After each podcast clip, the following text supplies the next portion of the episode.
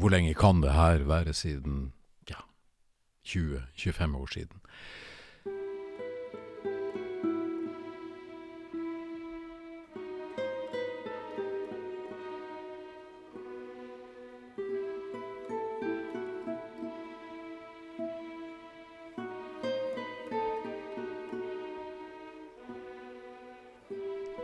Hun lente seg over mot sida, og så sa hun Kom hit, skal jeg si deg noe.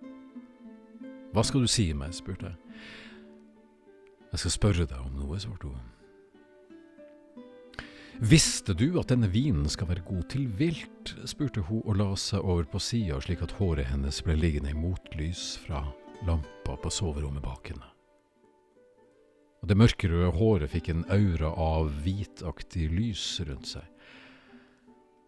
Jeg strakte hånden over mot skuldrene hennes og ble liggende på rygg mens jeg kjærtegna de avrundede skulderbladene hennes i store, konsentriske sirkler. Hm, akkurat som deg, med andre ord, spurte jeg. Ja, akkurat som meg, svarte hun hviskende. Og hun dyppa pekefingeren ned i vinglasset og strøk vinen over brystvortene de dypbrune og stramme brystvortene fikk et transparent og vått fiolett skjær over seg. Dette, den, dette, var en veldig dyr vin, det husker jeg nå i dag. Og forresten har du ikke sagt at jeg er pen, ikke på flere minutter, halvveis hviska hun med tilgjort furteleppe som hun skjøv framover.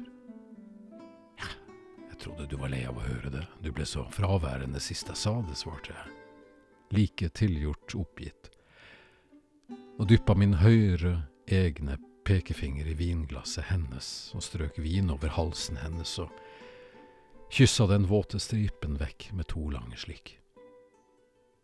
Jeg var ikke fraværende, jeg greide bare ikke å svare presist nok mens du tok meg, hviska hun og lukka øynene. Og forresten, fortsatte hun med høyere stemme, jeg vet at det fantes en vingud men fantes det også en vingudinne? Hun satte fra seg vinglasset, trakk meg opp fra sengen med et kontant grep rundt den høyre håndflaten min og grep vinflasken. Og hånd i hånd steg vi barbeint og helt nakne inn på det varme badegulvet.